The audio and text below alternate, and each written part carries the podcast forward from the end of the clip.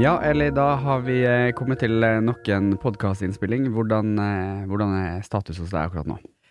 Åh, eh, nå er det litt sånn uh, uro i kroppen akkurat uh, i dag, men stort sett så har jeg det fint. Jeg går jo på immunterapi, og det er jo usikkert hvordan immunterapien tar meg, da. Om de klarer å ta knekken på svulsten eller ikke. Så akkurat nå om dagen er jeg litt usikker på om eh, om behandlinga virker, og om ting går eh, riktig vei. Men det får jeg eh, svar på forhåpentligvis om noen uker når jeg skal ta en ny eh, CT-undersøkelse. Mm.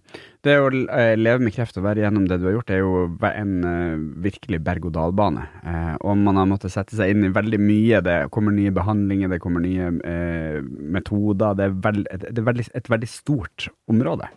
Det er et veldig stort område, og av og til så føler jeg at det å være eh, kreftpasient, det er nesten en fulltidsjobb. Og å være sterk nok til å være med på den eh, For jeg har ikke bedt om den berg-og-dal-banen. Jeg har absolutt ikke ønska meg det, men jeg eh, er på en måte bare satt i en situasjon der eh, toppene finnes, men det er òg mange dype daler. Og akkurat uh, i går så var jeg nede i en dyp dal, men nå føler jeg at jeg er litt på vei eh, oppover igjen. Det er fint. Du, eh, du går jo på en eh, immunterapibehandling. I dag skal vi snakke litt om, om, eh, om gener og genteknologi. Vi har fått en veldig kompetent gjest. Velkommen, Sigrid Bratli. Du er seniorrådgiver i Bioteknologirådet og seniorrådgiver rådgiver i Kreftforeninga Nå ser jeg at jeg kanskje sa feil på den første. Ja, det er ikke så lett. Jeg har, jeg har eh, mange roller, men jeg har slutta i Bioteknologirådet. Nå jobber jeg i Kreftforeningen, og så jobber jeg en del med landbruksvirksomheter eh, som driver med genteknologi, de også, for dette er veldig bredt. Men det er jo Kreftforeningen som først og fremst er rollen min her i dag. Ja, ikke sant. Ja. Men du er i hvert fall veldig kompetent på det som har med genforskning å gjøre. Kan ikke du fortelle litt om, om, eh, om jobben din? Jo, det kan jeg. Eh, altså, jeg er utdannet eh, såkalt molekylærbiolog. Jeg skulle egentlig bli eh, forsker, men det, det la jeg på hylla. Eh, og så gikk jeg ut av akademia og har jobbet da siden det med fagformidling og politikk knytta til bio- og genteknologi. Det er veldig mange viktige spørsmål, og dette er kjempekomplisert. Som dere også var inne på i stad, så er dette her et felt som for en kreftpasient eller en annen person er veldig vanskelig å henge med i svingene. Så det å kunne bygge kunnskap og kompetanse i befolkningen for å gi dem eh, en forståelse av hva det er som foregår, og hva det er som er verdt å heie på, og hva som er mest hype, det er veldig viktig. Så det Mm. bruker jeg veldig mye tid på. Ikke sant? Kan ikke vi starte helt, helt på, på scratch her? Kan ikke du bare fortelle kort, hva er egentlig genteknologi? Genteknologi altså Jeg vet ikke om vi skal begynne med, med gener. Eh, bare for å si litt sånn helt kort om eh, Altså, gener er jo det som er eh, livets kode langt på vei. Altså, det er det som gjør at vi er de vi er. Eh, inni cellene våre så ligger denne koden. Eh, og mm, genteknologi, det er verktøy som lar oss egentlig omprogrammere genene i levende organismer eh, som kan brukes til veldig mye. Det kan brukes til eh, eh, å gjøre, gjøre matproduksjon mer bærekraftig. Men ikke minst, som vi skal snakke om her i dag, så kan det brukes innen medisin. Eh, og det å påvirke gener, det, det er eh, mye håp i den teknologien framover. Mm. Det er alltid hyggelig å høre om håp, og for å bli litt uh, sjølsentrert, så går jo jeg på uh, immunterapi nå. Og, og hvordan kan denne genforskninga hjelpe å, å gjøre immunterapien uh, bedre? Ja, genteknologi kommer til å være helt sentralt i neste generasjons immunterapier. Eh, altså, du kan si at eh, dette med kreftbehandling eh, Tidligere så hadde vi jo noen sånne helt eh, grunnleggende altså, ikke sant, Vi har jo cellegift og stråling og en del av de litt sånn eh, disse metodene som vi har hatt lenge.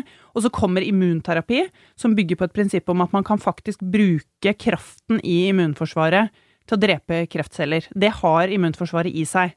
Og de immunterapiene som er i bruk nå, eh, de er på langt på vei en sånn, eh, nærmest en sånn av og på-bryter på immunforsvaret. Ikke sant? Du tar av bremsen, da. Ikke sant? Setter på gasspedalen, sånn at de blir eh, enda litt mer eh, effektive. Men med genteknologi så kan man faktisk gå inn og eh, Jeg kaller det programmering. Man kan programmere immuncellene til å få både nye funksjoner eh, Man kan ta vekk funksjoner i dem hvis det er noe som fører til bivirkninger, f.eks., og gjøre dem enda mer målretta. Så, så, det betyr at man kan virkelig liksom finpusse funksjonen til disse eh, immuncellene, som vil gi mer effektiv og mer skånsom behandling i framtida. Og dette er ganske sånn i startgropa, eh, men vi har jo begynt å få en, en anelse. Nå er det først blodkreftpasienter som har fått prøve dette. Og um, blant de som, som, har hatt status som uhelbredelige kreftsyke, så har i noen av disse gruppene så har omtrent halvparten av de blitt helt friske med den typen genteknologisk immunterapi. Mm. Det er jo helt fantastisk. Mm. Det... Men vil det si at en sånn type behandling vil erstatte cellegift og stråling og sånn på sikt? Antagelig så vil det bli en kombinasjon, eh, og man vil i hvert enkelt tilfelle vurdere pasienten og individuelle forhold ved pasienten og ved kreftsvulsten som gjør at man vil velge fra en mye breiere verktøykasse enn det man har hatt. Så langt så får jo på en måte Alle har jo fått cellegift, men i framtida så vil man da eh, også eh, lese av genene i, i, detalj fra svulsten, og se akkurat hvilke genetiske forandringer er det i denne svulsten. For eh, kreft er jo en, egentlig en genetisk sykdom. Det skyldes at det blir feil i genene til de cellene. Eh, og bruke det som utgangspunkt til å velge en sånn kombinasjonsbehandling. Og cellegift vil fortsatt være en viktig del av det, men hvor man da kan få andre behandlinger i tillegg. Og så er disse her eh, genteknologiske immunterapiene foreløpig såpass dyre at det per i dag så er det på en måte litt sånn siste utvei. Men jeg tror i framtida at det vil velges tidligere fordi man ser at det er såpass effektivt, da. Mm. Når du sier framtida, hvor, eh, hvor, fort jobber det, og, og, og når kan dette skje? Det er vanskelig å være veldig konkret. Forskningen går fort. Det er eh, mange som har store interesser i dette, både i Norge og internasjonalt. Det gjøres mange såkalte kliniske studier på dette. Eh, det vil jo nødvendigvis ta litt tid, for man eh, Det tekniske vil ta noe tid, men jeg tror kanskje at den største flaskehalsen er handler om systemet og hvordan man rigger systemet for å kunne virkelig ta i bruk dette her. Dette er høyteknologiske ting. Det krever mer av f.eks. Eh, fasilitetene på sykehuset å kunne gi en sånn behandling, fordi man må ha det med spesialutstyr, f.eks. Og så handler det om tilgjengelighet i helsetjenesten. Når disse her behandlingene kommer med en veldig høy prislapp, som de foreløpig har gjort, de fleste av de, så er det jo ikke alle disse nyvendingene som vil finne veien inn i norske sykehus, dessverre. Mm. Hvor høy prislapp snakker man om her? De, eh, den håndfølgen av denne typen, eh, vi kaller det celleterapi, de som, eh, som finnes i dag, de har en listepris på rundt fire millioner kroner for en behandling. Men da er det til gjengjeld en engangsbehandling i disse tilfellene. Mm, det høres jo ut Det er jo et stort tall, men det er et lite tall i sammen liksom i et, for et liv, da. Ja, og det vi håper er jo Grunnen til at dette har vært litt sånn vanskelig, er fordi at dette er helt ny teknologi. Man vet jo per definisjon ikke langtidseffekten når noe er helt nytt. Når det bare har vært prøvd ut en kort stund. Så det er jo noe av grunnen til at man også sitter litt på gjerdet, er fordi vet man at denne effekten er varig eller ikke? Når man skal betale en sånn engangssum i starten, så tar man jo på en måte hele den økonomiske risikoen med en gang. Og derfor har også myndighetene nølt med dette. Men nå begynner det å se ut som at det faktisk har den eh, langtidseffekten som man håper på. Og det er jo en eh, besnærende tanke, da, at eh, dette kanskje kan erstatte cellegift. For de av oss som har prøvd cellegift, så virker jo er det som en Jeg pleier å si at det er sånn steinaldermedisin, ikke sant. Gi meg noe mer moderne og effektivt. Det og gir jo håp til oss som, eh, eh, som kanskje gruer oss for å gå på en eh, ny runde med cellegift. Mm. Ja, det, jeg, jeg, fremtiden ser jo veldig spennende ut, og vi får jo stadig Det er jo ikke bare disse høyteknologiske genterapiene vi snakker om, vi snakker jo om også andre typer målretta medisiner som også har som utgangspunkt at de retter seg mot svulstens genetiske sårbarheter, men som ikke er like high-tech, da, men som blir kanskje mer tilgjengelig. Så man får jo et kjempestort arsenal etter hvert med medisiner som man kan velge mellom for ulike kreftpasienter. Mm. Du, du, sier at det her har vært prøvd ut for blodkreft. Kan det komme i alle Altså hjelpe for alle typer kreftsykdommer? I, I teorien så kan det jo det. Eh, det å, å si, bruke eh, det veldig sånn fininnstilte immunforsvaret som vi har, og, og trene Altså, disse koronavaksinene, det er jo også et eksempel på at man kan målrette immunforsvaret. ikke sant? Da målretter vi det riktignok mot et virus, men man kan bruke samme prinsipp egentlig mot alt eh, som er biologisk, inkludert da forskjellige typer kreft. Det som gjør det litt vanskeligere med, med andre typer kreft, altså da snakker vi om kreft som er harde, altså som er såkalte solide svulster, altså som er eh, Ja, er at det, det er ofte veldig sånn sammensatt eh, svulst, så man må kanskje på med flere funksjoner i disse immuncellene for å virkelig kunne få has på dem. Og det er, eh, det er vanskeligere for immuncellene å komme ordentlig til i en sånn eh, stor svulst. Men det er masse håp om det, masse forskning på det. Eh, men det ta, vil ta litt lengre tid før vi kommer dit. Blod, blodkreft er på en måte det som har vært det enkleste i så måte, som en Mm. sånn første utgangspunkt. Mm. Hva med sånn type, altså den type kreft som Eli har, for eksempel, livmorhalskreft? Ja, det, det, i likhet med, med andre typer kreft, så vil man jo da måtte identifisere hva er det ved denne kreften som skiller den fra andre celler, og som gjør den kreften spesiell. Og så kan man da eh, si, installere den eh, funksjonen da, i disse immuncellene, sånn at de da kan rette seg spesifikt mot det. Men så må man kanskje på med noen tilleggsbehandlinger, fordi nettopp en del svulster er ganske gjenstridige. Eh, og at man må da ja, angripe den fra flere hold, da. Og det er jo det vi, da begynner vi å snakke om kombinasjonsbehandling, som er en veldig viktig del av den framtida. Så kanskje man har celleterapi i kombinasjon med andre typer immunterapi, eller andre typer målretta medisiner, sånn at man går til angrep fra flere hold samtidig. Mm. Hvor langt ligger Norge, vil du si, fram i denne forskningen? Eh, For en hører jo ofte om at eh, når det er nye metoder, så drar folk til Tyskland eller USA for å få eh, behandling. Hvor, hvor er vi igjen her i landet? Åh, det, det er holdt på å si både og. Vi har fantastisk flinke kreftforskningsmiljøer som er egentlig helt i verdenstoppen på dette. Eh, og de har veldig spennende forskningsprosjekter som de nå håper å på en måte sette ut i livet da, og få omsatt til faktisk behandling. Men vi ser at eh, mangel på forskningsmidler og mangel på satsing på å bygge opp kompetanse og det vi kaller infrastruktur, altså, for dette, dette er high-tech, man trenger ganske mye, det gjør at eh, Norge nå Det ser jo litt ut som vi kommer til å sakke akterut i den kampen. Det er veldig mange andre land som satser mye mer offensivt på akkurat denne typen eh, teknologi. Så vi er jo litt bekymra. Ja, men hvorfor, hvorfor er ikke vi mer fremme i skoene på det? Nei, det det er jo ofte prioriteringer, da, ikke sant. Et økonomisk spørsmål. Hvis man må inn med, med, med mye penger i starten for å, å bygge opp denne typen uh, fasiliteter, så, så vil jo det koste. Altså, vi i Kreftforeningen har gått sammen med to andre private givere og donert et betydelig beløp for å få starta dette uh, ordentlig i Norge.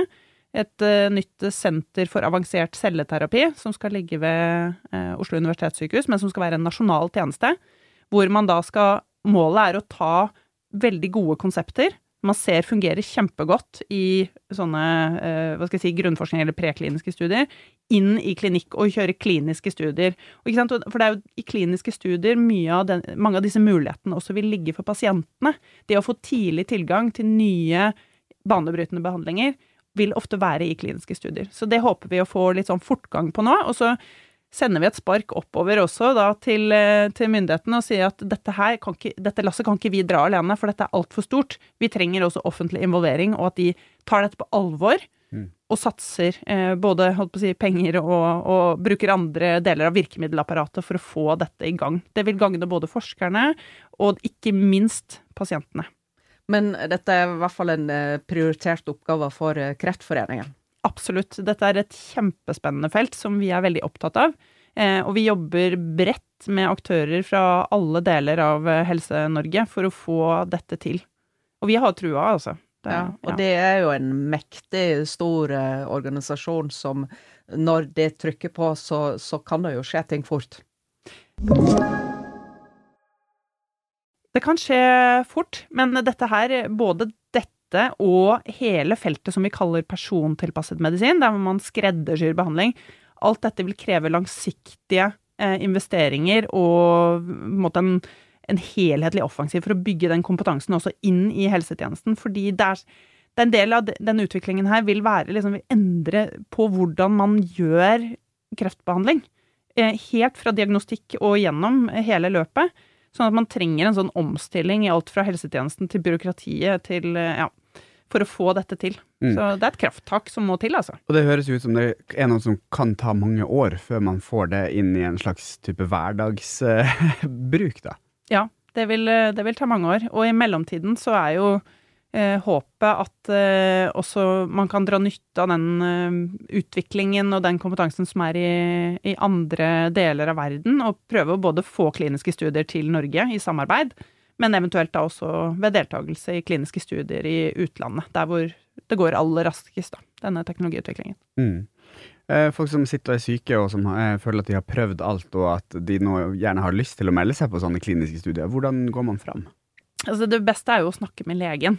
Eh, det kommer jo litt an på hvilken lege man har, men, men ofte så hjelper jo det. Og for å da få bistand til å se om det finnes kliniske studier som ville vært aktuelle, og som kunne vært, eh, eh vært nyttig for akkurat den pasienten.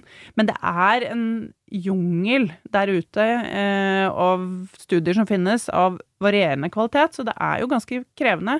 Og som du også sa, Eli, det, å, det er nesten en fulltidsjobb sant, å være kreftpasient. Du skulle prøve å navigere rundt i alle disse tilbudene og skjønne hva det er som er reelt håp, og hva det er som er mest eh, hva skal jeg si, falske håp. Det, det er det er krevende, og vi trenger Der er jo Kreftforeningen også Vil jo gjerne bistå, da, hvis det er eh, noen som lurer. Så dere kan også henvende dere til Kreftforeningen mm. og få hjelp eh, til den eh, og, og, navigere den veien. For min egen del, det å komme med på den studien som jeg er med på nå, med immunterapi og i kombinasjon med en eh, vaksine, så var det jo mannen min som hadde snakka med en uh, lege i det private og tilfeldigvis hørt om den studien, og så kontakta vi Radiumhospitalet.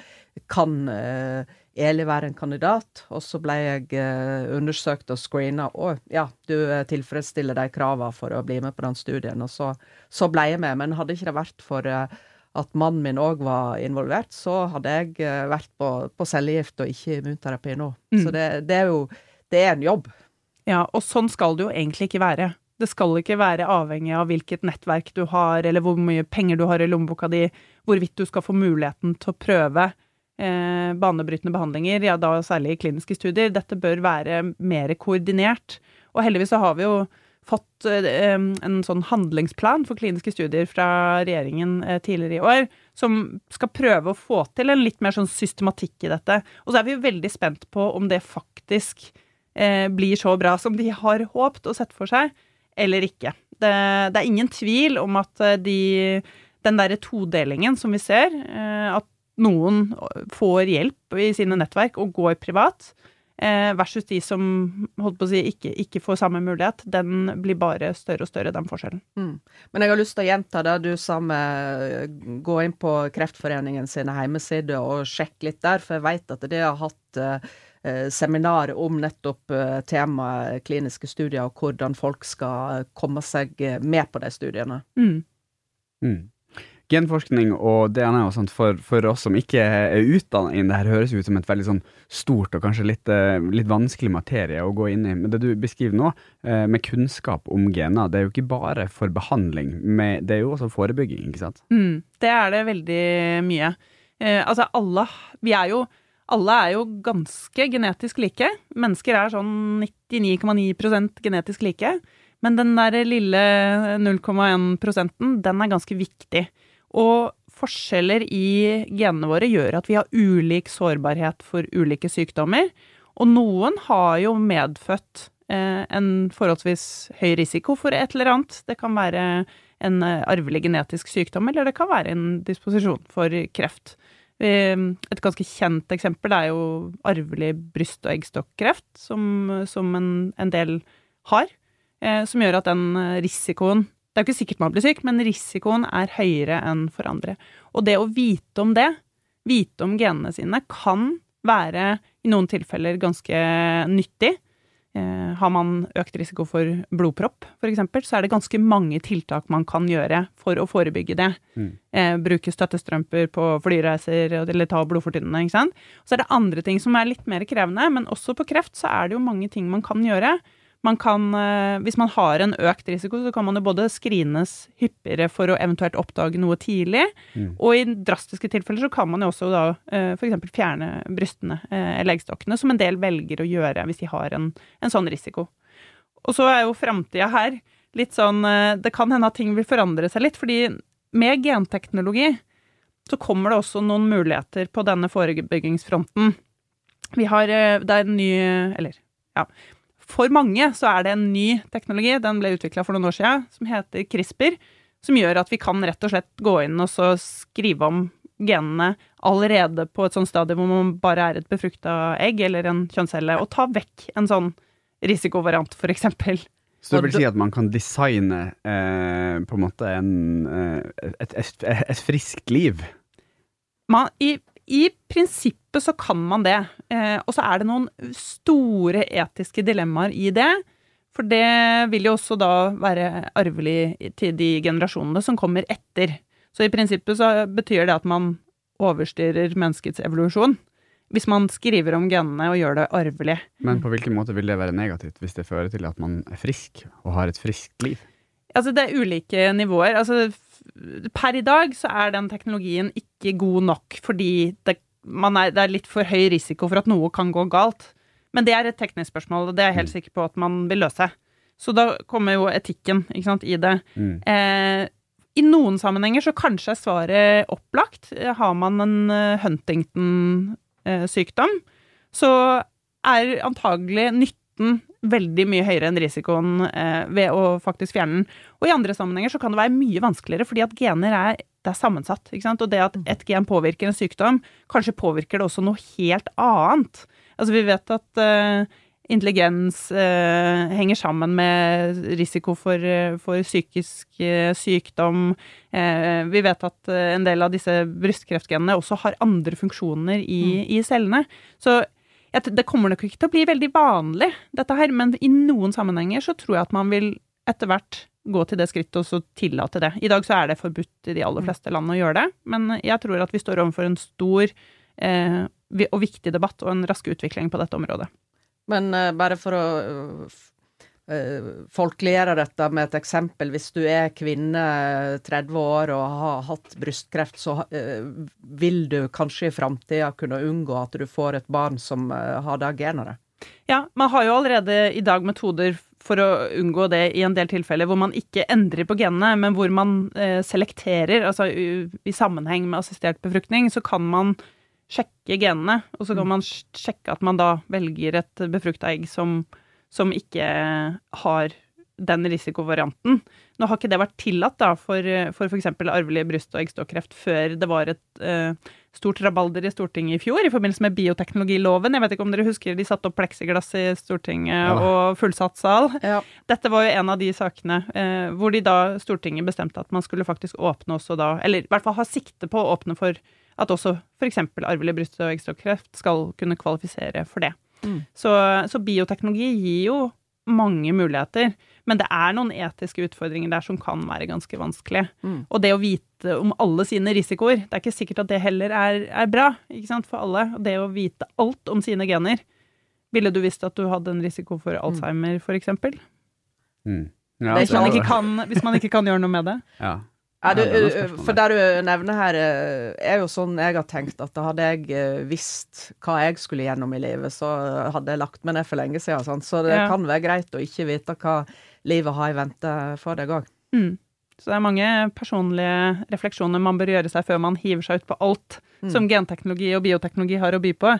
Mm. Men innen kreftbehandling og diagnostikk så er dette Vi står jo midt i en kjemperevolusjon. Mm. Mm. Det er utrolig spennende å ha deg som gjest, og, og det du snakker om, men det jeg tenker er jo at de må bare jobbe enda fortere.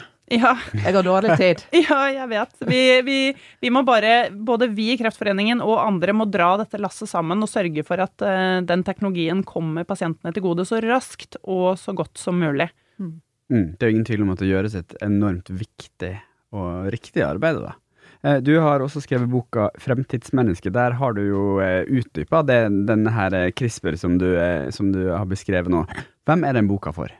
Den er for alle som er kanskje i hvert fall sånn litt interessert i tematikken. Jeg har prøvd å skrive ganske forståelig for folk flest. Dette er ikke for ekspertene. De vil nok kanskje tenke at dette var litt, litt enkelt. Men, men det er for at folk skal forstå hvilken fundamental endring vi står overfor. Altså disse verktøyene som vi får, de snur opp ned på liksom de liksom grunnleggende liksom spillereglene som naturen opererer med.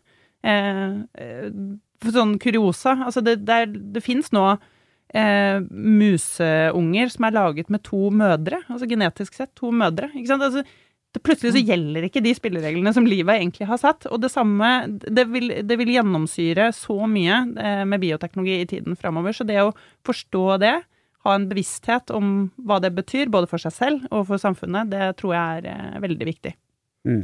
Hvor ser du for deg at man er om ti år innenfor det her? Innenfor kreftfeltet, eller generelt innen Kreft, begge deler. Kreftfeltet først, kanskje. Og jeg håper virkelig at vi om ti år har klart å ta imot den eh, utviklingen med persontilpasset medisin, og at det er helt selvsagt at pasienter, det øyeblikket de får en kreftdiagnose, får en gentest, kartlagt genene i den svulsten, får tilpassa den behandlingen så fort som mulig. Det er en fremtid jeg håper vi klarer å komme til, hvis alle eh, gode krefter trekker i samme retning. Eh, på et større plan så Jeg håper jo at bioteknologi vil eh, kunne gjøre livet bedre for mange på mange områder. Alt fra at maten vi spiser er mer bærekraftig, til eh, at eh, flere som ikke har barn i dag og ikke kan få det, kan få det i framtida. Og selvfølgelig innen da alt som har med medisin å gjøre. At eh, jeg, jeg er teknologioptimist, selv om jeg også selvfølgelig er klar over fallgruvene. Så er jeg det, altså. Mm. Det var veldig hyggelig å ha deg som gjest. Eh, Vi anbefaler alle å gå inn på Kreftforeningen sine sider og lese seg opp på det de eh, måtte være interessert i. Og boka di, 'Fremtidsmenneske', anbefales også på det sterkeste. Tusen takk.